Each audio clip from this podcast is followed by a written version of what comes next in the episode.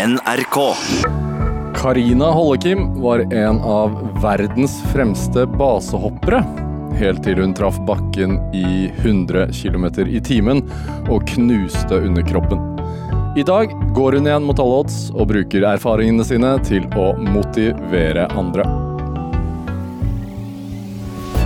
Dette er Drivkraft med Vegard Larsen i NRK P2. Karina Hollekim, veldig hyggelig å ha deg her i Drivkraft. Tusen takk. Det er like måte. Hvor- Hvordan går det? Det går veldig bra. Takk for at du spør. Er det, er det en spøk du har blitt vant til, eller? Eh, nei, vet du hva, den har jeg faktisk ikke hørt før, men eh, nå når jeg fikk høre den, så likte jeg den veldig godt. Eh, du, eh, alle unger jeg begynner litt sånn rett på her, ja, fordi eh, som barn i hvert fall så drømte jeg om å fly.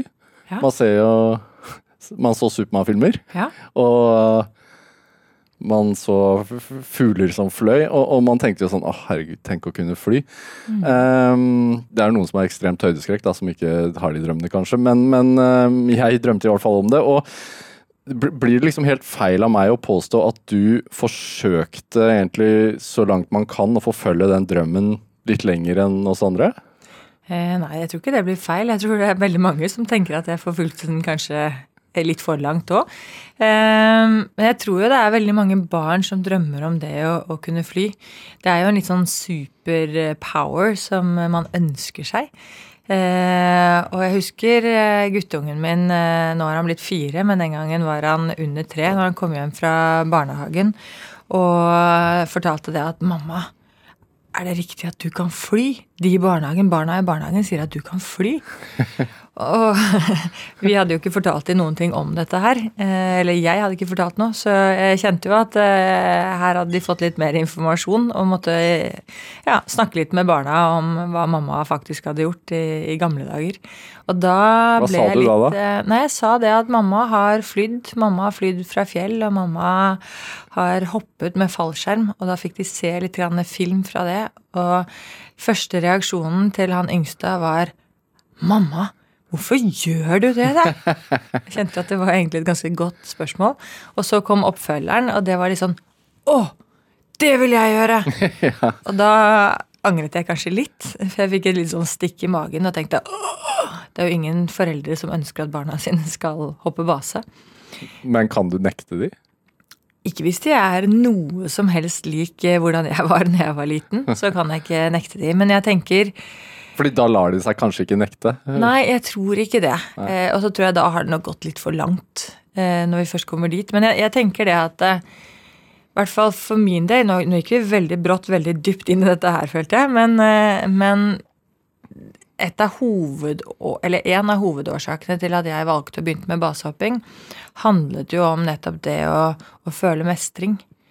Eh, fordi i min verden så passet jeg ikke helt inn i, den A4, i det A4-livet som er her hjemme. Jeg følte meg ikke hjemme, hadde ikke selvtillit eh, på det livet her hjemme. Eh, og da åpnet det seg opp en verden gjennom da skikjøringen og etter hvert basehoppingen som gjorde at jeg følte mestring på en helt annen arena. Når var første gang du hoppet i fallskjerm, da? Nei, da var jeg blitt eh, 25, så jeg var ganske gammel. Så det, det startet jo man, sent. man er gammel hvis man er 25 første gang man hopper i fallskjerm. Ja, Hvis du har drømt om det hele livet, så tenker jeg jo at du er ganske gammel. Men var det fra fly første gang, Fra fly første gang, ja. På Voss. hvordan var det? Kan du, husker du hvordan det var? var Ja, gruet du deg? Det ville jeg gjort. Nei, det gjorde jeg ikke. Jeg gruet meg ikke. Men man kanskje grugleder seg litt. Altså Det som er forskjellen på å hoppe fallskjerm eh, og hoppe base, er jo det at det føles veldig sånn motstridende i kroppen å skulle kaste seg ut av et fullt fungerende fly. Altså det, Alt der går fint, og vi durer fremover i god høyde, og det er ingen grunn til å kaste seg ut av det flyet. Og plutselig så åpner du bare døren da, bak eller på siden, og så kjenner du den iskalde luften utenfra, og så skal du liksom hoppe rett ut i ingenmannsland. Det føles jo Urinstinktet ditt det stritter jo imot. Selv, selv om man har gjort det mange ganger? Eh, nei, ikke når man har gjort det mange ganger. Men i starten så følte i hvert fall jeg at eh, det gjorde det. Og så skal du da trosse det urinstinktet da, og, og hoppe ut. Så det er jo en veldig sånn bisarr følelse. Mens i det øyeblikket du ligger i luften, så er det jo en følelse av frihet, en følelse av lek, eh, en vanvittig eh, naturopplevelse, i hvert fall når du gjør det på Voss, for der er det vakre fjell og snødekte topper og grønne vann. Så det er jo visuelt utrolig vakkert også. Hvor lenge er man i luften sånn vanligvis? Ja, Ca. et minutt fritt fall, da. Før man trekker skjermen. Litt i underkant, kanskje. Hvor mange hopp har du gjort fra fly? Oi. Eh, det husker jeg ikke. Flere hundre. Ja. Mange hundre. Men når var det du tenkte at Nei, dette her duger ikke. Jeg må hoppe fra, Du, fra, eh, fra, base. base i stedet. Ja, du, det tenkte jeg før jeg begynte å hoppe fallskjerm. Eh, jeg var veldig målbevisst i den eh, oppgaven der. Jeg skulle begynne å hoppe base, og den eneste årsaken til at jeg begynte med fallskjermhopping, var for å lære meg og tilegne meg tilstrekkelig kunnskap, sånn at jeg kunne hoppe base og overleve. Altså hoppe base, for de som ikke måtte vite det, så er det det å hoppe fra et fast punkt. Ja, det kan være fra bygning, fra antenner, Ja. fra broer og fra fjell. Så det Jeg var egentlig ikke så opptatt av dette å komme opp i et fly.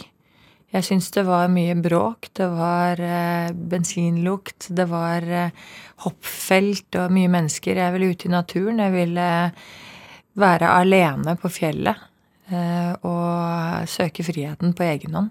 Og hoppe fra et fast punkt. Og det som er helt vanvittig med å hoppe fra eh, la oss si et fjell, da, som er kanskje mitt favoritt, det er jo at idet du står på toppen, der har du også dette urinstinktet igjen, som selvfølgelig forteller deg at ikke du skal hoppe. Og jeg tror jo den frykten for å dø, det er jo den sterkeste, eller i hvert fall en av de sterkeste fryktene vi, vi mennesker har. Og det å stå på toppen og klare å overvinne en sånn frykt, det gir deg jo en vanvittig sterk mestringsfølelse. Eh, og da blir det litt sånn at alle hverdagslige utfordringer og problemer de blir ingenting i sammenligning. Så det gjør at du føler deg litt sånn uovervinnelig. Hva var det første basehoppet ditt, da? Det var fra en bro eh, i Twin Falls, Idaho. Så hoppet jeg eh, med rundskjerm rett ned i vannet. Så det Rundskjerm sier meg Ja. ingenting. den er rund. Som eh, en rund skjerm, så det vil si at den er ikke veldig lett å styre. Eh, For den går egentlig bare følger vinden. Eh, Men det er ikke så veldig mye gærent du kan gjøre med den. Det er litt sånn som de startet i gamle dager på, i militæret. Og de, de deiser ned. Men du kan få ganske hard landing, så det lønner seg jo da å lande i vann. Hvis du ønsker å ikke, ikke få altfor hard impact. Men jeg tenker sånn, Det første hoppet må jo alltid være eh, den verste kneika å komme over, eller den, liksom, den største utfordringen å komme over. Ja, på mange måter så er det jo det, fordi eh, der handler det om at du har tatt hvorvidt du har tatt et valg. Og, og i og med at det er en helt ny følelse, så har du ingen referansepunkter i forhold til hva er det som er foran deg. Hva, hva vil det si? Hvordan vil følelsen være? Du har ingenting å, å sammenligne det med. Eh, men hvis jeg tenker tilbake til mitt eget hopp, eh, så hadde jeg jo Jeg visste ingenting om dette her, og jeg var så redd. Og jeg visste ikke det den gangen, men jeg skjønte det jo da i ettertid. At jeg var så redd at jeg hadde det vi kaller for et sånt tunnelsyn. Eh, som gjør at du egentlig mister fokus på alt annet som er rundt deg. Og du kan bare tenke at uh, synet ditt snevrer inn til sånn akkurat som du står og kikker ut gjennom tunnel, og så ser du bare det lille lyspunktet der fremme. Du Eh, fikk en fysisk reaksjon som var sånn. ja, mer Altså, du ser ikke svart rundt deg, da, men du er så fokusert på oppgaven eh, som du har foran deg. Og for meg så var oppgaven da å hoppe ut i riktig formasjon. Eh, og da trekke denne skjermen som var bak meg, og, og få kastet den ut riktig. Eh, og da blir du veldig oppgavefokusert, og da klarer du ikke å ta inn noe inntrykk, noe sanseinntrykk, synsinntrykk. Du registrerer ikke egentlig hva som foregår rundt deg. Og du skjønner egentlig ikke hvor redd du er. Men hvor høy var denne broa? Ja, Den er vel rundt eh, ja, hva er den da, 250-ish meter. Hvor fort går det da? Nei, jeg hadde vel et fritt fall på to sekunder. Ja, fordi det er litt sånn når du, når du forteller om at du eh, hopper i fallskjerm, så har man en frihetsfølelse, man svever i et minutt, man rekker å se rundt seg, det er liksom en naturopplevelse, og Du føler at du svever, da, på et vis. Mm, men, Men- det slipper du her. Ja, det, er, det må jo bare være sånn instant kick. Ja, men det var det som handlet også når jeg da eh, hoppet og landet i dette vannet, hadde utført et eh, altså perfekt første hopp eh, ut fra de forutsetningene som jeg hadde, og ble hentet og plukket opp av båten. Så når jeg satt der, så tenkte jeg liksom hvor er yes-følelsen nå? Hvor er wow? Det her var helt rått. Altså, Jeg har gledet meg til dette. Jeg har reist fra Norge til USA. Møtte opp med en fyr som jeg knapt har kjent i en uke, som skal lære meg dette her, og nå skal jeg reise eh, USA rundt med han. Hva skjedde? Det er ikke noe godfølelse. Så jeg ble skikkelig skuffa. Og så turte jeg nesten ikke å si det engang, for jeg bare Er dette det? Er dette alt? Latet du Jeg som føler jeg et ofret livet. Og så var det ikke noe rush engang. Latet du som, da? Da var det sånn wow. Yeah, nei, jeg var litt sånn wow. Yeah! Det var, det var ganske tam. eh, Men så innså jeg, innså jeg jo etterpå at eh, årsaken til det var for at jeg hadde ikke jeg hadde ikke kjent disse følelsene pga. dette tunnelsynet jeg hadde hatt. Så da ser du ikke, du opplever, du klarer ikke å kjenne på de følelsene. Så de følelsene kom ikke før faktisk ganske mange hopp senere. Hvor jeg begynte å klare å utvide synet mitt og, og kjenne på de, de følelsene som faktisk eh, var naturlige å ha, og også ta inn inntrykkene som, som handlet om det visuelle og, og hva som skjedde. Og da begynte det å bli kult. Så det du sier at man Du var for redd for å nyte det, eller for redd for å få noe ut av det? Ja, jeg var for redd, eh, og da klarte jeg ikke å være i øyeblikket. Jeg var eh, for fokusert på den oppgaven jeg hadde. Det er litt sånn det her deer in the headlight eh, syndrome. Du, du er helt eh, låst på oppgaven. Det er ingen følelser involvert. Likevel så ville du hoppe en gang til. Ja, du reiser jo ikke hele veien fra Norge til USA for ett hopp som du blir litt skuffa over. Det er som den første ølen som aldri smaker godt sånn når man er ung. Nei, Men man- skal, man prøver en gang til. Ja, man prøver en gang til. Men så flyttet jeg meg over til fjell. Eh, og fjell er jo det som Og natur er jo litt mer mitt eh, element, litt mer min hjemmearena. Og da ble opplevelsen en helt annen. Eh, men da begynte jeg jo også å innse de mulige konsekvensene. Og da begynte jeg jo å bli redd på en helt annen måte enn jeg hadde vært før. Men, men før vi kommer til det, altså fordi du tok det jo ett steg lenger, fordi du, du er den andre kvinnen i verden så vidt jeg forstår, som har hoppa med sånn vingedrakt. Ja, i hvert fall den første som overlevde, men den andre som hoppet, ja. For hun eh, som hoppet før meg, hun overlevde ikke. En sveitsisk eh, kvinne. Ok, så hun i sitt første hopp så gikk det gærent? Ja.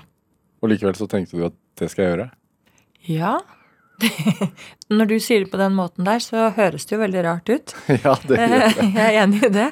Men eh, jeg tror man får et veldig sånn annerledes forhold til, eh, til døden. Men det var menn som hadde gjort det? Menn hadde gjort det. Ja. Eh, flere menn hadde gjort dette. Så du var ikke den andre i verden? Nei. Nei. Absolutt Nei, ikke. ikke det setter jeg tenker jo litt at det er ikke forskjell på kvinner og menn Nei, det i en sånn enig. situasjon. Ja, det er helt enig. Det må vi jo si. Ja, Så da, da det setter du en litt annen kontekst. Du var ikke liksom nummer to som prøvde Nei, den drakten? Nei, jeg var ikke det. Eh, og den drakten eh, symboliserte jo Det var jo svaret på det å kunne fly. Eh, så det er jo ikke noe tvil om at hvis du har drømt om å fly siden du var liten jente, så kan du ikke bare drive og falle nedover en fjellside. Du må jo faktisk også få deg noen vinger og, og komme deg ut og fly. En sånn vingedrakt, eh, kan du fortelle hvordan den ser ut? Ja, eh, det er altså en, en drakt eh, som du da trer inn, en heldress, som du trer inn i med ben og armer, eh, som du har da en vinge mellom bena, som låser fast bena dine, og, et slags seil mellom bena. Og så har du også en vinge da fra bena dine. Eh, og hvis du setter armen din helt ut eh, fra kroppen, så har du en vinge mellom den og, og bena dine. Det er litt sånn Så det ser ut som en diger flaggermus, egentlig. En flaggermusdrakt. Men det som gjør eh, en sånn drakt fascinerende, er jo at du nettopp kan bevege deg i høy hastighet eh, lange distanser. Så du kan jo fly 2,5-3 meter. 3 meter fremover på hver meter du faller nedover. Eh, men du er også låst da, i den drakten. Så du kan ikke begynne å veive og, og miste balansen i luften og sånne type ting. Så det en krever en presisjon av det. som, eh, som er veldig annerledes enn å hoppe fritt med bare vanlige klær. Du må være ekstremt dyktig med andre ord, på å kontrollere kroppen i hoppet. Ja, du må det. Og så er det jo et eller annet med det med akkurat basehopping. Eh, Når man hopper fra fly, så er det jo hele tiden en vindmotstand. Mens når du hopper fra fjell eh, med baseutstyr, så er det de første sekundene som du hopper fra fjellet, første halvannen, to, tre sekundene, det er ingen luftmotstand. Så det er akkurat som å falle. Så det er veldig lett da, hvis du tipper litt for langt over, så tipper du i, og, og roterer i overkant. Så det er dette her med å ikke Det er ikke lov å veive med, armene da. Så man må være veldig kontrollert og rolig i de bevegelsene hele Ja. veien. Kan du beskrive hvordan det føles å fly med den? Føles det som å fly? Ja, nå har jo jeg aldri vært noe annet enn menneske. Nei, Eh, nei men liksom men ja, i, i min verden så føles det som det nærmeste jeg kommer å fly med egen kropp. Altså For meg så var det Jeg kan huske veldig godt en gang som jeg hoppet fra fjellet med en sånn vingedrakt. Og idet jeg tar av fra klippekanten og stuper litt sånn nedover fjellet, så idet jeg ligger med hodet først nedover, så kan jeg se til siden for meg, og da er det en liten, bitte liten fugl som sitter på en sånn fjellhylle et par meter bortenfor meg, som tar av sammen med meg og bare går i stup nedover fjellsiden sammen med meg. Og da ligger vi der side om side nedover fjellsiden i eh, Begynner å nærme oss 180 km i timen og har på en måte blikkontakt. Og så drar vi ut og begynner å fly. Og det var Jeg vet jo ikke hvor lenge dette her foregikk, men det føltes som en evighet. Og det var det roeste jeg har vært med på noen ting. Det var vi to. Vi var ute og fløy sammen. Jeg får gåsehud i hvert fall. Dette er Drivkraft med Vegard Larsen i NRK P2. Og i dag så er eh, Karina Hollekim her hos oss i Drivkraft. Hun eh, var en av verdens fremste basehoppere helt til hun ja, gjorde et hopp som uh, førte henne til uh, sykesenga og opp igjen. Uh, og i dag så jobber hun med å motivere andre. Vi pratet om gleden ved å hoppe i fallskjerm, både fra fjell og fly og med vingedrakt, Karina. Fordi du hadde Altså, du har jo ikke tall på hvor mange hopp du har, men i 20. august 2006 så tok dette bokstavelig talt en veldig brå slutt. Ja, det kan vi trygt si. Ja, du, du var i Sveits, så vidt jeg vet, og, og skulle gjøre et hopp på et publikumsarrangement. Eh, ta meg sånn kjapt gjennom dagen. Ja. Det var World Cup i paragliding. Eh, vi hadde vært der og hoppet vingedressen vår fra fly eh, hele lørdagen. Eh, og vi skulle nå gjøre det. Dette var søndagen. Vi eh, hadde vel hatt tre-fire runder, fire show i løpet av dagen. Og jeg husker følelsen av at hvert eneste show det ble liksom bedre enn det forrige. Så vi var ordentlig på en sånn oppadgående eh, følelse og, og stemning. Det var flere tusen tilskuere. Så det var en sånn ordentlig Ja, kjempestemning. Dette var første håpet på søndagen. Og jeg husker at vi satt inne i flyet og, og fløy. Steg litt sånn sakte oppover mot himmelen. Og jeg husker stemningen inne i flyet. Vi var liksom, det var high fives, det var dårlige spøker. Det var, vi var liksom klare for å ta opp ballen igjen der vi hadde vært sluppet den på, på lørdagskvelden. Eh, og idet vi åpner opp den døren og, og kjenner det kalde gufset komme inn fra, fra luften utenfor, så ser jeg ned, og da er det litt sånn du vet, sånne scattered skyer. Solen har akkurat eh, tittet frem gjennom en litt sånn regntung eh, dag og sender sånne vakre stråler nedover bakken. Så det var liksom, det var det vakreste du bare kunne tenke deg. Og jeg husker den følelsen av bare fy fader, jeg er så heldig som får lov til å oppleve det her. Og så hopper vi ut. Jeg rekker akkurat å sette på røykboksen fra, som jeg har på benet mitt, før vi hopper ut av flyet. Noe man har fordi at det er et show? Fordi det er et show. Ja. Ja. Og jeg fly, hopper ut ved siden av venninnen min, Geraldine. Og da ligger vi da side om side og tett inntil hverandre og flyr over og under hverandre. Og lager svinger. Og denne her røyk røykboksen og røyken som vi hadde, der den fulle, følger hver eneste bevegelse vi gjør. Og egentlig bare lager et sånt vakkert mønster på himmelen. Og jeg husker at jeg ser smilet hennes idet jeg flyr forbi henne og tenker bare yes! Det er helt perfekt hopp. Og så var det på tide å, å løse ut fallskjermen og, og lande foran publikum der. Og da jeg løser ut skjermen, så hører jeg klappingen. Jeg hører bruset fra publikum, for de var helt i ekstase. Så jeg kjenner bare sånn ordentlig yes-følelse at det bare Åh! Yes! Dette gikk bra, liksom. Nå gikk det bra. Ja. Og så kjenner jeg da janket i fallskjermen min. Og det er jo bekreftelsen på at skjermen har kommet. ja, den var der. Den løste Ja. seg ut. Ja. Den har løst seg ut. Men så samtidig så hører jeg en ulyd som er en veldig merkelig blafrelyd. Og så kjenner jeg bare at eh, jeg blir tatt tak i kroppen og bare kastet utover. Og jeg skjønner ikke med en gang hva som har skjedd. Men jeg kikker opp på skjermen, og så ser jeg at jeg har fått en, en feilfunksjon på skjermen. Så jeg har fått en knute på linene som drar hele skjermen inn fra den ene siden. Altså, skjermen blir mindre og Den, mindre. blir, den, er den er, ser ut som en sånn liten Den har en halv kvart skjerm som er ute, og så er hele den ene siden da dratt inn. Så det er bare en liten sånn Hvor- tøystykke som henger og blafrer der oppe. Hvor høyt er det over bakken da? Eh, Det er usikkert, men eh, jeg er ikke sånn kjempehøyt over bakken. Det er jeg ikke. Og eh, i det øyeblikket så kjenner jeg også at fordi G-kreftene blir så store, for jeg blir slengt som sånn tøydukke under denne, dette tøystykket Ja, I sirkel. i sirkel. Ja. Så hastigheten nedover mot bakken er ikke så høy. Men hastigheten, G-kreftene, er kjempehøy. Så idet jeg prøver å, å kjempe på en måte armene mine opp for å eventuelt ta tak i disse linene og prøve å gjøre noe med skjermen, så kjenner jeg at jeg klarer ikke engang å løfte armene, fordi at de blir bare presset nedover på mot av siden på kreftene. grunn av kreftene. Ja. Jeg husker at det eneste jeg tenker, er dette her fikser du. Kom igjen, dette her får du til. Bare prøv å styre. Kjemp, bruk kroppen din. Hva som helst. Bare dette må du få til. Kom igjen, dette klarer du. Og jeg ser vann og tenker åh, tenk om jeg kan være så heldig å lande i vann. Og så ser jeg land, og så ser jeg vann, og så ser jeg land. Og så kjører jeg bare brace for impact, og så smeller jeg rett i en diger kampestein. Og så blir det svart. Og så våkner jeg opp igjen, da egentlig antageligvis ikke så lenge etterpå. For da ligger jeg fortsatt helt alene.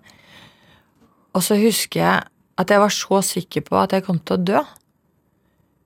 Fordi jeg har mistet venner på akkurat den samme måten, så da, derfor var jeg helt 100% sikker på at jeg kom til å dø. Nå var det din tur, liksom. Nå var det min tur.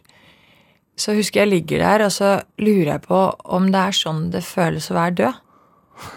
Og så ser jeg ned på kroppen min, så ser jeg at begge bena mine ligger liksom ved siden av meg i en sånn L-formatur. Så tenker jeg hm, er jeg død nå?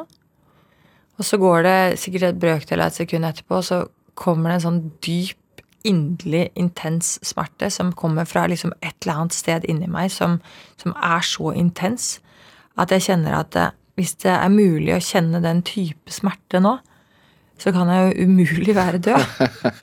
Så da ble den smerten som en sånn positiv bekreftelse på at jeg fortsatt var her. Okay. Og så ble den smerten så sterk, og da ble jeg borte igjen. Ja, du Da- besvimte, rett og slett? Da besvimte jeg. Ja. Og da våknet jeg igjen to dager senere på sykehuset i Lausanne. Ja, og husker ingenting fra de to dagene. Nei, det har jeg vært borte i to dager. Hæ. Husker du hva du tenkte da, da du våknet? Ehm, ja, jeg vet at jeg våknet en gang der hvor jeg Min første respons var å reise meg opp og komme meg ut av sengen. Hvor de iler til, eh, sykepleierne, og bare dytter meg ned i sengen igjen og sier at eh, du kan ikke gå, du kan ikke gå. Og så er jeg borte igjen, og neste gang jeg våkner opp, så våkner jeg opp til en lege som kommer inn i rommet mitt. Da ligger jeg alene inne på sykerommet. Og så sier han det at uh, du er veldig heldig som fortsatt er i live. Um, du har mistet over fire liter blod, så oppgaven vår det var bare å redde livet ditt. Men du er så skadet at du kommer aldri til å gå igjen. Det var som et knyttneveslag Følte du deg heldig at du var i live da, eller hva tenkte det tror jeg ikke jeg hørte at han sa engang. Det, det eneste jeg festet meg, var at jeg aldri skulle gå igjen. Og jeg husker at jeg, jeg var så uforberedt på den beskjeden. Jeg har blitt skadet så utrolig mange ganger i livet mitt, og jeg har gått inn og ut av sykehus, og tidvis så føler jeg at jeg har hatt klippekort på sykehuset. Men jeg har alltid reist meg etter skadene mine igjen. Det har aldri vært et spørsmål om å ikke reise seg og ikke fortsette. Og nå innså jeg plutselig at dette her kanskje var en ulykke som ville prege meg for resten av livet. Ja, for hvordan Altså, beina dine de var nærmest bokstavelig talt knust? Ja, det ene. Ja. Eh, Høyrebenet. Venstrebenet det hadde, var kun brukket i fire biter. Eh, så det lappet de nok ganske greit sammen igjen. Men det var høyrebenet som var knust, både kneet og lår, og alt var på en måte i, i biter. Um, og det var såpass krevende, og det var jo åpne brudd også, så det var jo revet i stykker muskulatur og sener, og alt var egentlig ja, revet i stykker. Um, Men, Så- men Ja, så er det jo litt sånn at det, det er klart at en sånn beskjed er jo tøff uavhengig av hvem som skulle få den, men jeg tror også det at det, for meg så Jeg hadde brukt kroppen min siden jeg var liten jente. Elsket å være på ski, jeg elsket å være i fjellet. Eh, dette her var jobben min. Det var Men ikke bare jobben min, det var liksom alle vennene mine, familien min. Dette her handlet om min identitet. Det å få lov til å bruke kroppen ute i naturen. Eh, hvis jeg var frustrert, hvis jeg var lei meg, hvis jeg var sint, så løp jeg i skogen eller klatret eller fikk ut det gjennom å bruke kroppen. Hvis jeg var glad, så gjorde jeg vel sikkert mer eller mindre det samme. Og det å da plutselig bli låst i en rullestol på, for resten av livet, det Det var en virkelighet som var utrolig skremmende for meg akkurat der og da. Og det visste jeg ikke hvordan jeg eventuelt skulle håndtere. Så det var eh, Ja, det var jo definitivt min største frykt. Du gikk jo fint inn i dette studioet her, så det er jo ingen hemmelighet at uh, du kan gå igjen. Du har vært med i Mesternes mester og yeah. overbevist alle om at fysikken er uh, over, gjennom, over gjennomsnittet god, for å si det sånn. Ja, nei, det er den jo ikke. Ja, det er så eh, sånn ut her. men men uh, hvordan Altså, for legene ga deg så å si ingen sjans. Eh, hvordan kommer man seg opp på beina igjen da, liksom? For det er jo det naturlige er jo egentlig å Ja, tenke Høre på legen sin, for å si det sånn. ja. Eh, det er klart at mitt råd er jo ikke å høre på legen. Ja. Var, noen, Beklager allerede. Men var det noen som sa til deg at dette her skal du få til, eller måtte du si det til deg selv? Neida, Altså, eh, dette her er jo eh, litt sånn tosidig, fordi at eh, jeg tror jo at leger er veldig redde, eller enkelte leger er litt redde for å gi falske forhåpninger. Og det er klart at man skal jo heller ikke gjøre det. Men eh, jeg syns jo denne legen i Sveits var litt vel eh, tidlig ute med å dømme, dømme fremtiden min, eh, uten at vi visste så veldig mye mer om det. Og for enkelte så er det nok veldig naturlig da å høre på de som sitter med fasiten, for det er det man pleier å gjøre. Mens for meg så tror jeg nok det der fungerte som en sånn slags trigger. At jeg ble litt sånn derre fandenivoldsk. Jeg ble litt sånn, vet du hva. Du skal ikke komme her og fortelle meg hva jeg kan og hva jeg ikke kan. Det er mine bein, liksom. Jeg skal i hvert fall ikke gi meg, da, Ja. uten, uten en kamp. Men så er det jo ikke til å legge skjul på det at jeg har hatt utrolig flaks. Eh, dette her har ikke kun handlet om min viljestyrke og, og min evne til å kjempe meg tilbake. Jeg har hatt en kjempestor porsjon med flaks som har gjort at jeg kunne reise meg igjen også. For det er jo mange som får en sånn type beskjed, og uansett hvor mye de trener, uansett hvor mye de kjemper, så kan de aldri reise seg allikevel. Ja, For det gikk ikke så mye utover ryggen din. Nei, det gjorde ikke det i det hele tatt. Men det er klart at når den da først kom, så Man blir jo lei seg eh, og, og går inn i en sånn slags sorgprosess. Og det gjorde jo jeg òg, hvor jeg gråt og var frustrert og satte spørsmålstegn ved fremtiden og lurte på hva, hva skulle skje med meg, hva skjer med vennene mine, vil de være der for meg når jeg sitter i rullestol, hvordan skal jeg komme meg opp i min egen leilighet, vil jeg noen gang sove i egen seng, jeg bor i femte etasje uten heis, altså masse sånne spørsmål som ikke det finnes svar på. Og da var det pappa som kom inn og, og tok grep, for han ble litt sånn forbanna på denne legen som hadde sagt dette her. Og så sa han til meg det at Karina, det er ingen som kan spå fremtiden. Og du har ikke råd til å tenke på alle de spørsmålene. Det fins ikke svar. Så nå må vi fokusere på her og nå. og fokusere på de tingene vi mestrer. De tingene du fortsatt kan, istedenfor alle de tingene du ikke kan. Og det hjalp meg utrolig mye, det med å bare flytte fokuset eh, fra langt fremme til i dag, dagen i dag, kanskje dagen i morgen, og fokusere på alt det jeg var god på, alt det jeg fikk til, alt det jeg mestret, alt det som var positivt, som gikk an å hente frem i løpet av dagen. Og da er det sånn, da må man være ganske god når man ligger eh, kvestet i en sykeseng et eller annet sted i verden, på å hente frem de små tingene. Og det er en veldig fin sånn treningssak i seg selv, da, på å bli bevisst på hva som er bra. Men det handlet jo om å klare å holde motivasjonen da, til å, å, holde ut dag etter dag etter dag. Og så måtte jeg jo finne en, en, eh, en livsgnist, en, en, vilje til å hente meg tilbake til hverdagen. Og det måtte handle om å komme tilbake til lidenskapen. Dette er Drivkraft med Vegard Larsen i NRK P2. Og i dag er Karina Hollekim her hos oss. Eh, hun var eh, en av verdens fremste basehoppere helt til hun traff bakken i 100 km i timen og fikk knust underkroppen. Eh, I dag så bruker hun de erfaringene sine til å motivere andre. Og Karina, har akkurat, du har akkurat fortalt om oppholdet på sykehuset. Hvor, hvor lang tid tok det før du kunne bevege deg normalt igjen? Eh, det tok meg eh, ca. Tre, tre, år å lære meg å gå igjen. Å komme tilbake til livet og legge operasjoner og rehabiliteringssentre bak meg. Så jeg var inn og ut av sykehus og rehabiliteringssenter i tre år. Hva, hva sa du dette Altså, du, du, sa før her at dette her skulle du klare. Altså, du, ingen skal fortelle meg at jeg ikke kan gå igjen. Var det motivasjonen hele veien? Tre år er mm. lenge. Tre år er eh, lenge. Det er en drøy motbakke. Det er en eh, drøy motbakke. Kommer litt an på hva man eh, har å sette i perspektiv med, da, selvfølgelig. Tre år av livet, hvis vi nærmer oss, vi kommer sikkert til å bli nærmere 100, så føles det plutselig ikke så lenge lenger. Men hva var det tøffeste i løpet av disse tre årene? Nei, jeg tror, For det første så tror jeg det er utrolig viktig at når man begynner på en sånn ferd på tre år, så vet man ikke at det skal ta tre år. Nei.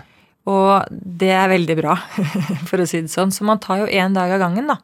Og da blir det én dag av gangen. 365 dager ganger tre. Så det blir fortsatt bare én dag av gangen. Og det er veldig mye lettere å forholde seg til én dag enn å skulle forholde seg til ett år, to år, tre år, eller noe som på en måte ligger så altfor langt frem i tid. Så det er liksom det viktigste jeg klarte å, å jobbe med, med, der. Men det som er tøft gjennom en sånn periode, er jo at eh, det går jo ikke bare fremover. Det er ofte to skritt, eller ett skritt frem og to tilbake.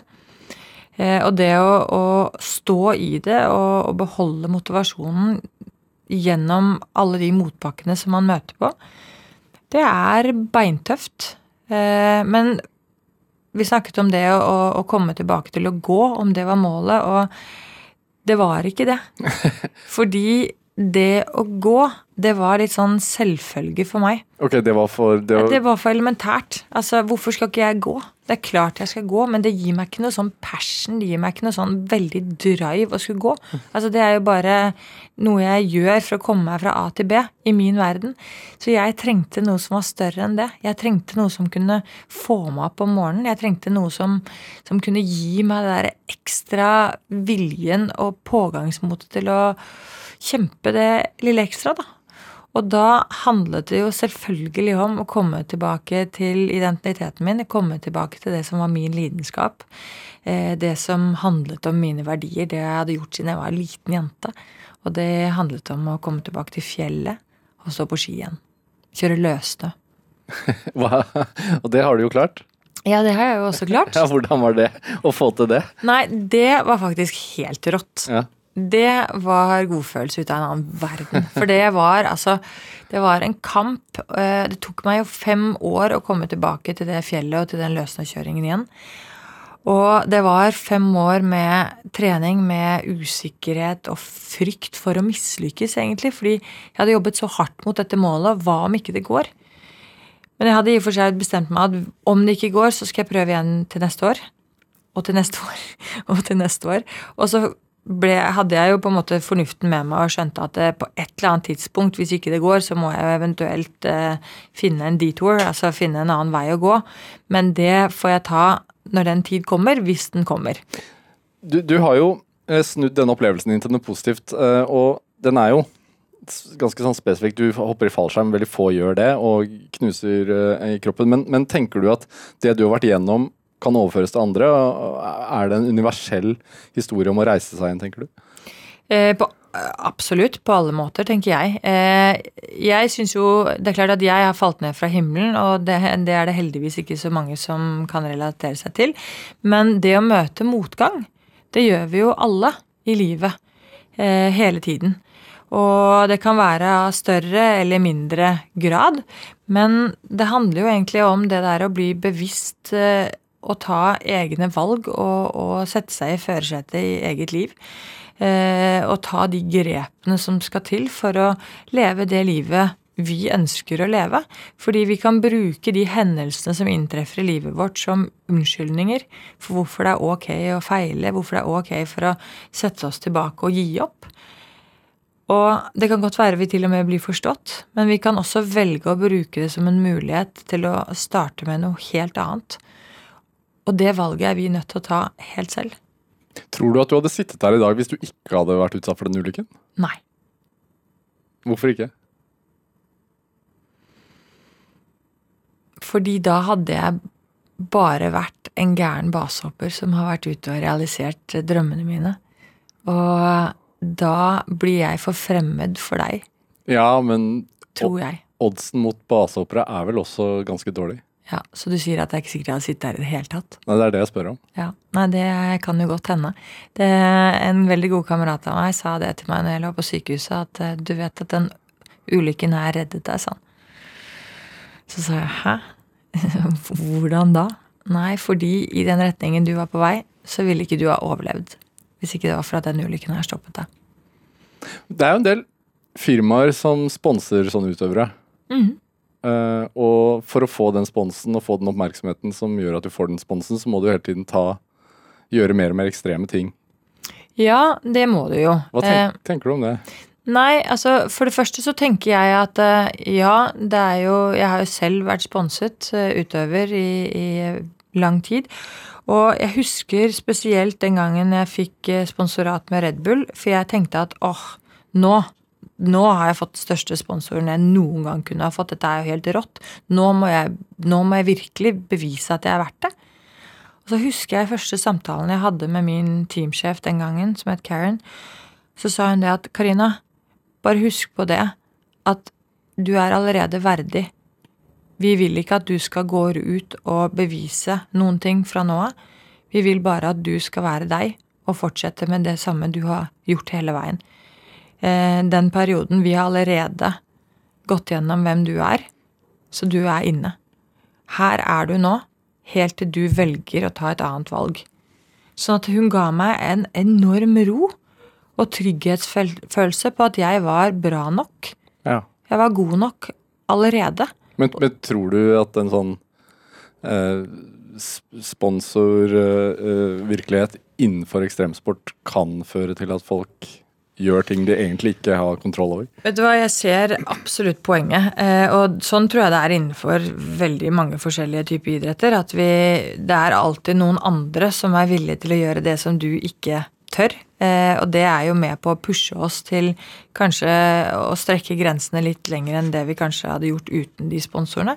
Men det er- handler også om i dag med YouTube og alle filmene og ikke bare sponsorer, men nettopp det at vi, vi higer etter å bli sett og for å gjøre oss bemerket. Og da må vi gjøre noe som er enda litt galere, enda litt eh, tøffere, enda litt modigere. Og den strikken eh, begynner å bli ganske tøft å, å, å strekke den noe særlig lenger, for nå har vi snart gjort alt som er mulig å gjøres. Så da må vi begynne å tenke litt annerledes, kanskje. Du, jeg blir veldig nysgjerrig på hvem Karina Holkim er, fordi Tenker du at man må, man må ha en eh, type bagasje for å ønske å utsette seg for disse tingene? Fordi du, det er jo en dødsfrykt involvert i, i den type sport. Ja, det er jo Jeg tror vi alle har en dødsfrykt. Og eh, kanskje ekstremsportutøvere kanskje vi går rundt og forteller oss selv at vi er villige til å dø for den aktiviteten vi har valgt, men jeg tror, nå som jeg har blitt mor, og på en måte Hva skal jeg blitt så himla voksen, vet du. Eh, så tør jeg med hånden på hjertet si at i hvert fall det eneste jeg tror at vi er villige til å dø for, det er barna våre. Eh, og for enkelte landet sitt, eller den på en måte den patriotismen som, som man har med seg i en sånn situasjon. Men jeg tror at vi basehoppere, vi ekstremsportutøvere, vi egentlig elsker livet så intenst at vi er villige til å gjøre alt i vår makt for å ikke dø for det. Men samtidig så Ja, For jeg tenker jo litt sånn Hva hopper de ifra? Ja, nei, men det kan nok hende at fall Jeg kan ikke snakke for alle andre, men jeg kan jo snakke for meg selv. Eh, og, og, det er ikke noe tvil om at jeg hoppet fra noe. Jeg hoppet fra manglende selvtillit og manglende følelse av tilhørighet i hverdagen. Jeg hoppet fra en A4-hverdag som jeg ikke mestret. Eh, og hoppet fra et hode som var fylt med utfordringer og problemstillinger og kaos og rot, egentlig. Og i løpet av ett hopp, da, på kanskje 20-30 sekunder, som det da tok på de høyere, lengre hoppene, så opplevde jeg det som jeg kunne renske hjernen min for alle disse utfordringene, alle problemstillingene. Og idet jeg landet, så følte jeg meg fri, jeg følte meg ren. Jeg følte meg klar for nye utfordringer, nye problemstillinger, og jeg hadde en mestringsfølelse og en selvtillit som gjorde at jeg opplevde at vet du hva, bring it on. Jeg er klar. Nå kan jeg håndtere hva som helst.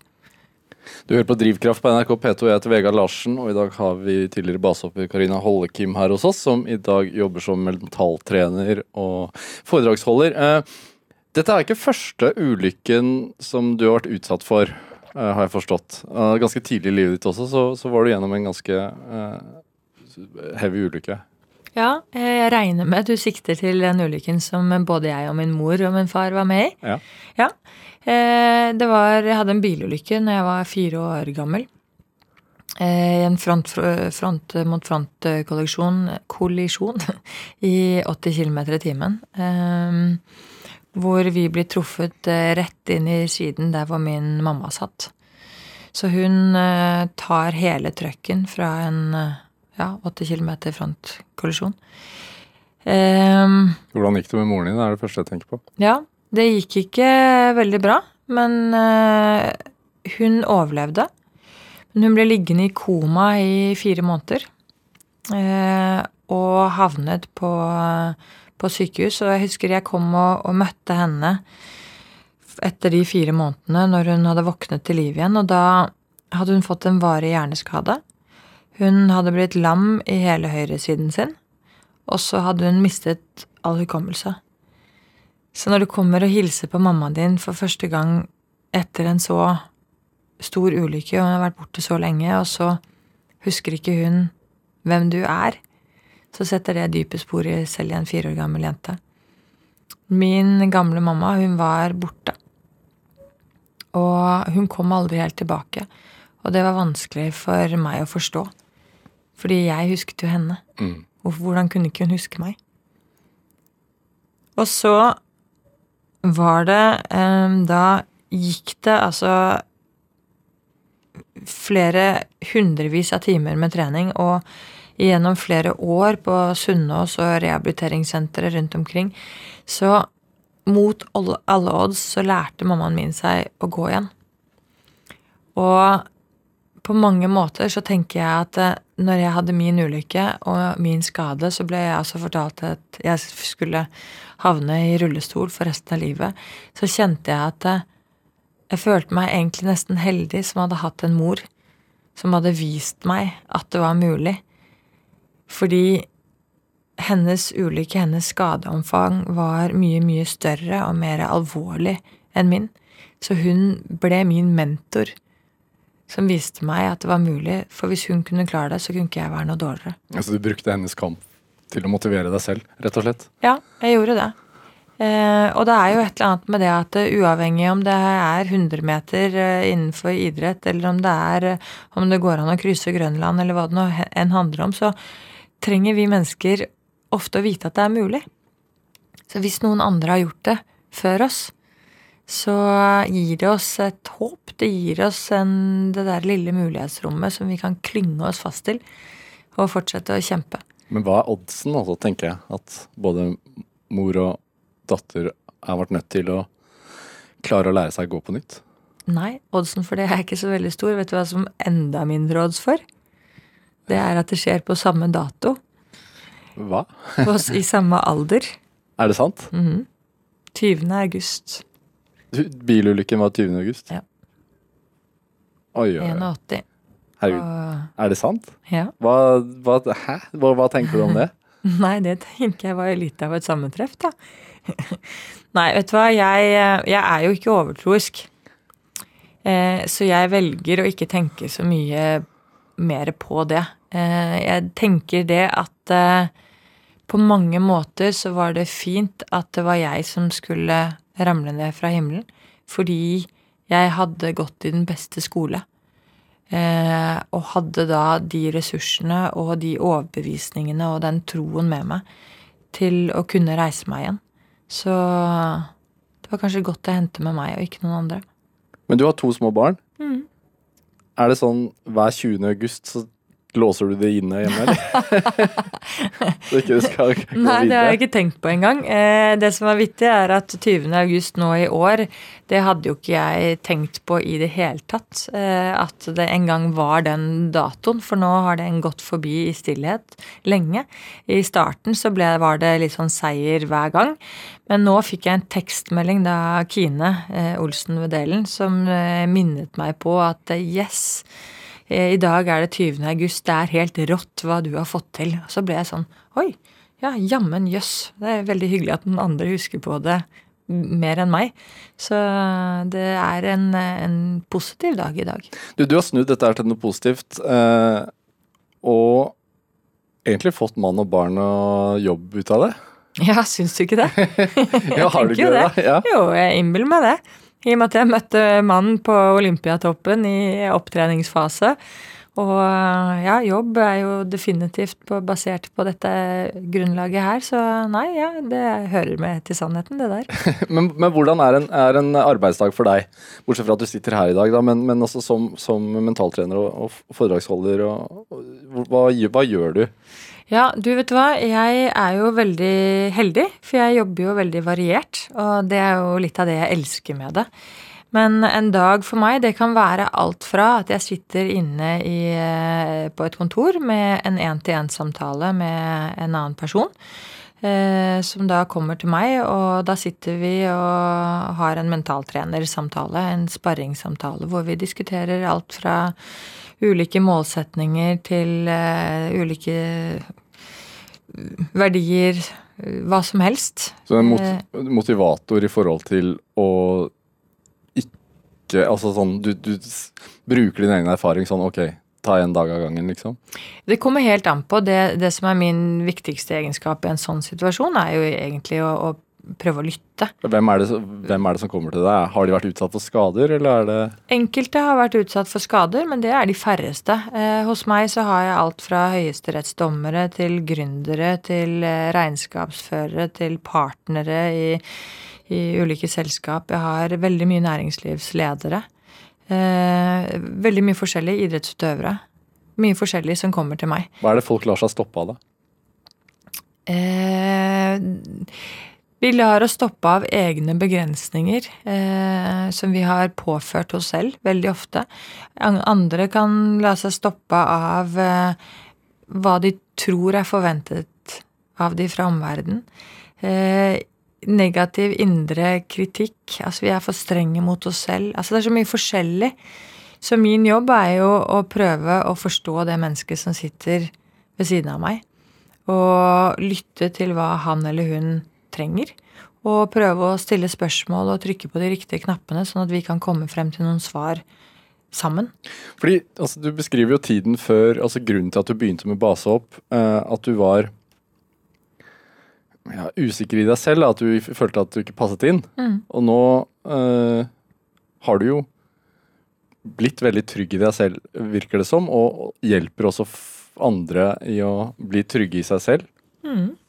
Jeg tror jo i min rolle som mentaltrener, og også da når jeg driver som foredragsholder og, og lederutvikler, så er jo nettopp det med den autentisiteten, eller den ektheten, eh, som handler om å våge å vise seg sårbar. Våge å være seg selv på godt og vondt, egentlig. Det tror jeg er kanskje en av de viktigste eh, både verdiene og egenskapene jeg tar med inn i en sånn samtale.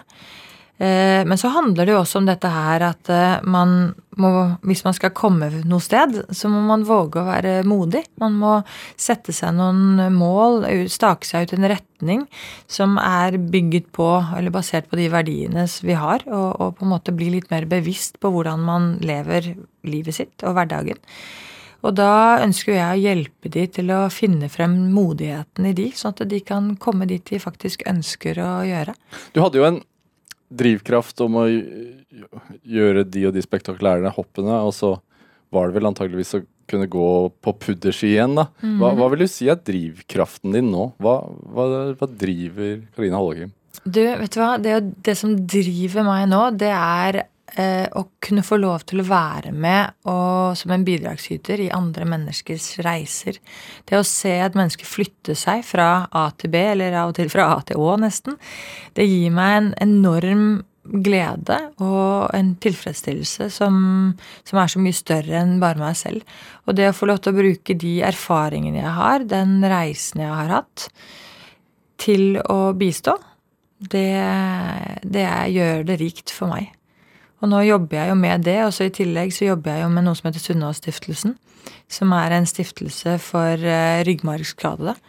Og det å få lov til å være med de og se hvordan vi kan skape mestring i en hverdag ute på reisefot. Altså å åpne dører til en helt ny verden for de skadede som har blitt sittende i rullestol, og som aldri kommer til å kanskje kunne reise seg opp igjen fra den det gjør at jeg føler at jeg kan bruke kanskje noen av de, de egenskapene som jeg utviklet meg eller gjennom den tiden som rullestolbruker, selv om det kanskje for meg var et kvarter i forhold til de, så føler jeg at jeg har kommet litt hjem da, på riktig sted.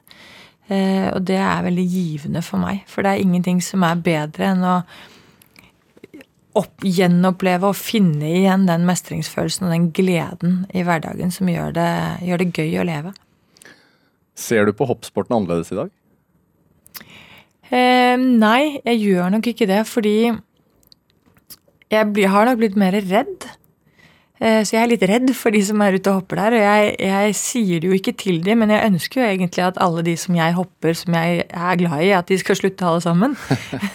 men jeg skjønner jo at jeg ikke kan si det til dem. Eh, men jeg vet hvor viktig det er for dem. Jeg vet hvor viktig det var for meg. Og jeg vet hvor vakker sporten er. Så jeg ser jo og skjønner jo at eh, hvorfor de gjør som de gjør, og hvorfor de er som de er. Jeg, jeg tenker det er jo en jeg, jeg skjønner jo fristelsen i det, jeg også, men jeg tenker jo også at det er en ganske egoistisk sport. Fordi man kan jo utsette uskyldige hele tiden for Absolutt. Jeg tenker jo at det, fins en tid for alt. Jeg mener jo at det er en tid i livet hvor det er mer lov å være egoistisk enn andre. Eh, når jeg hoppet base, så var jeg i 20-årene. I begynnelsen, ja, i 20-årene faktisk. Og hadde ikke mann, jeg hadde ikke barn, jeg hadde ikke noen familie som var avhengig av meg. Jeg hadde selvfølgelig foreldre, eh, og det er trist, men det er ingen som var avhengig av meg. Så jeg tenkte med meg selv at jeg hadde lov til å være litt egoistisk.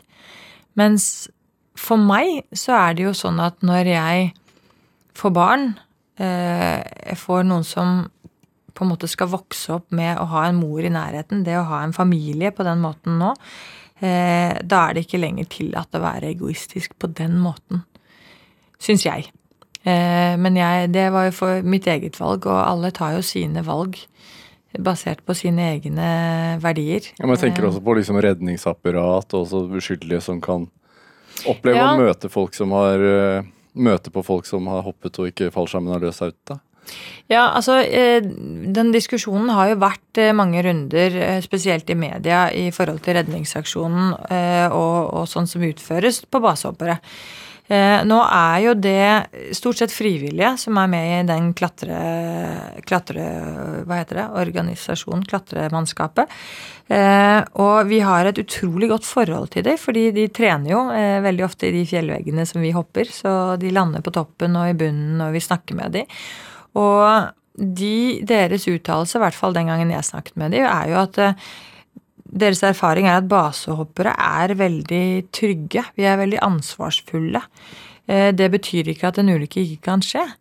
Men de sa også det at vi setter aldri våre liv eller vår eh, Hva heter det? Vår sikkerhet på spill når vi skal redde en basehopper eller en hvem som helst som er ute i fjellet. Deres sikkerhet kommer alltid i førersetet. Og det kjenner jeg at det føles litt sånn betryggende for meg å vite. Og så forteller de igjen det at eh, deres eh, de fleste av deres redningsaksjoner de handler jo om eh, at Ola Nordmann da går ut på fjell og vidde uten klær og, og uten ryggsekk og går seg bort og står der uten noe som helst. Ja. Og, og, det er på en måte majoriteten av redningsaksjonene. Så jeg sier ikke at det fortsatt er innafor og trygt og alt dette her, men vi prøver å gjøre det tryggest mulig, i hvert fall innenfor de rammene vi har. Du, du har en enorm viljestyrke, det har du virkelig bevist i løpet av den samtalen. og Vi nærmer oss slutten her i Drivkraft i dag. Tror du denne viljestyrken du har, tror du den kan trenes hos alle? Du, vet du hva, det er jeg helt sikker på at den kan. Eh, og det handler jo i utgangspunktet om å bygge på de små mestringene hver eneste dag. For hvis man vil et sted, så må man belønne seg selv hele tiden. Tusen takk for at du kom til Drivkraft, Karina Hollekim. Dette var Drivkraft. Ha det bra.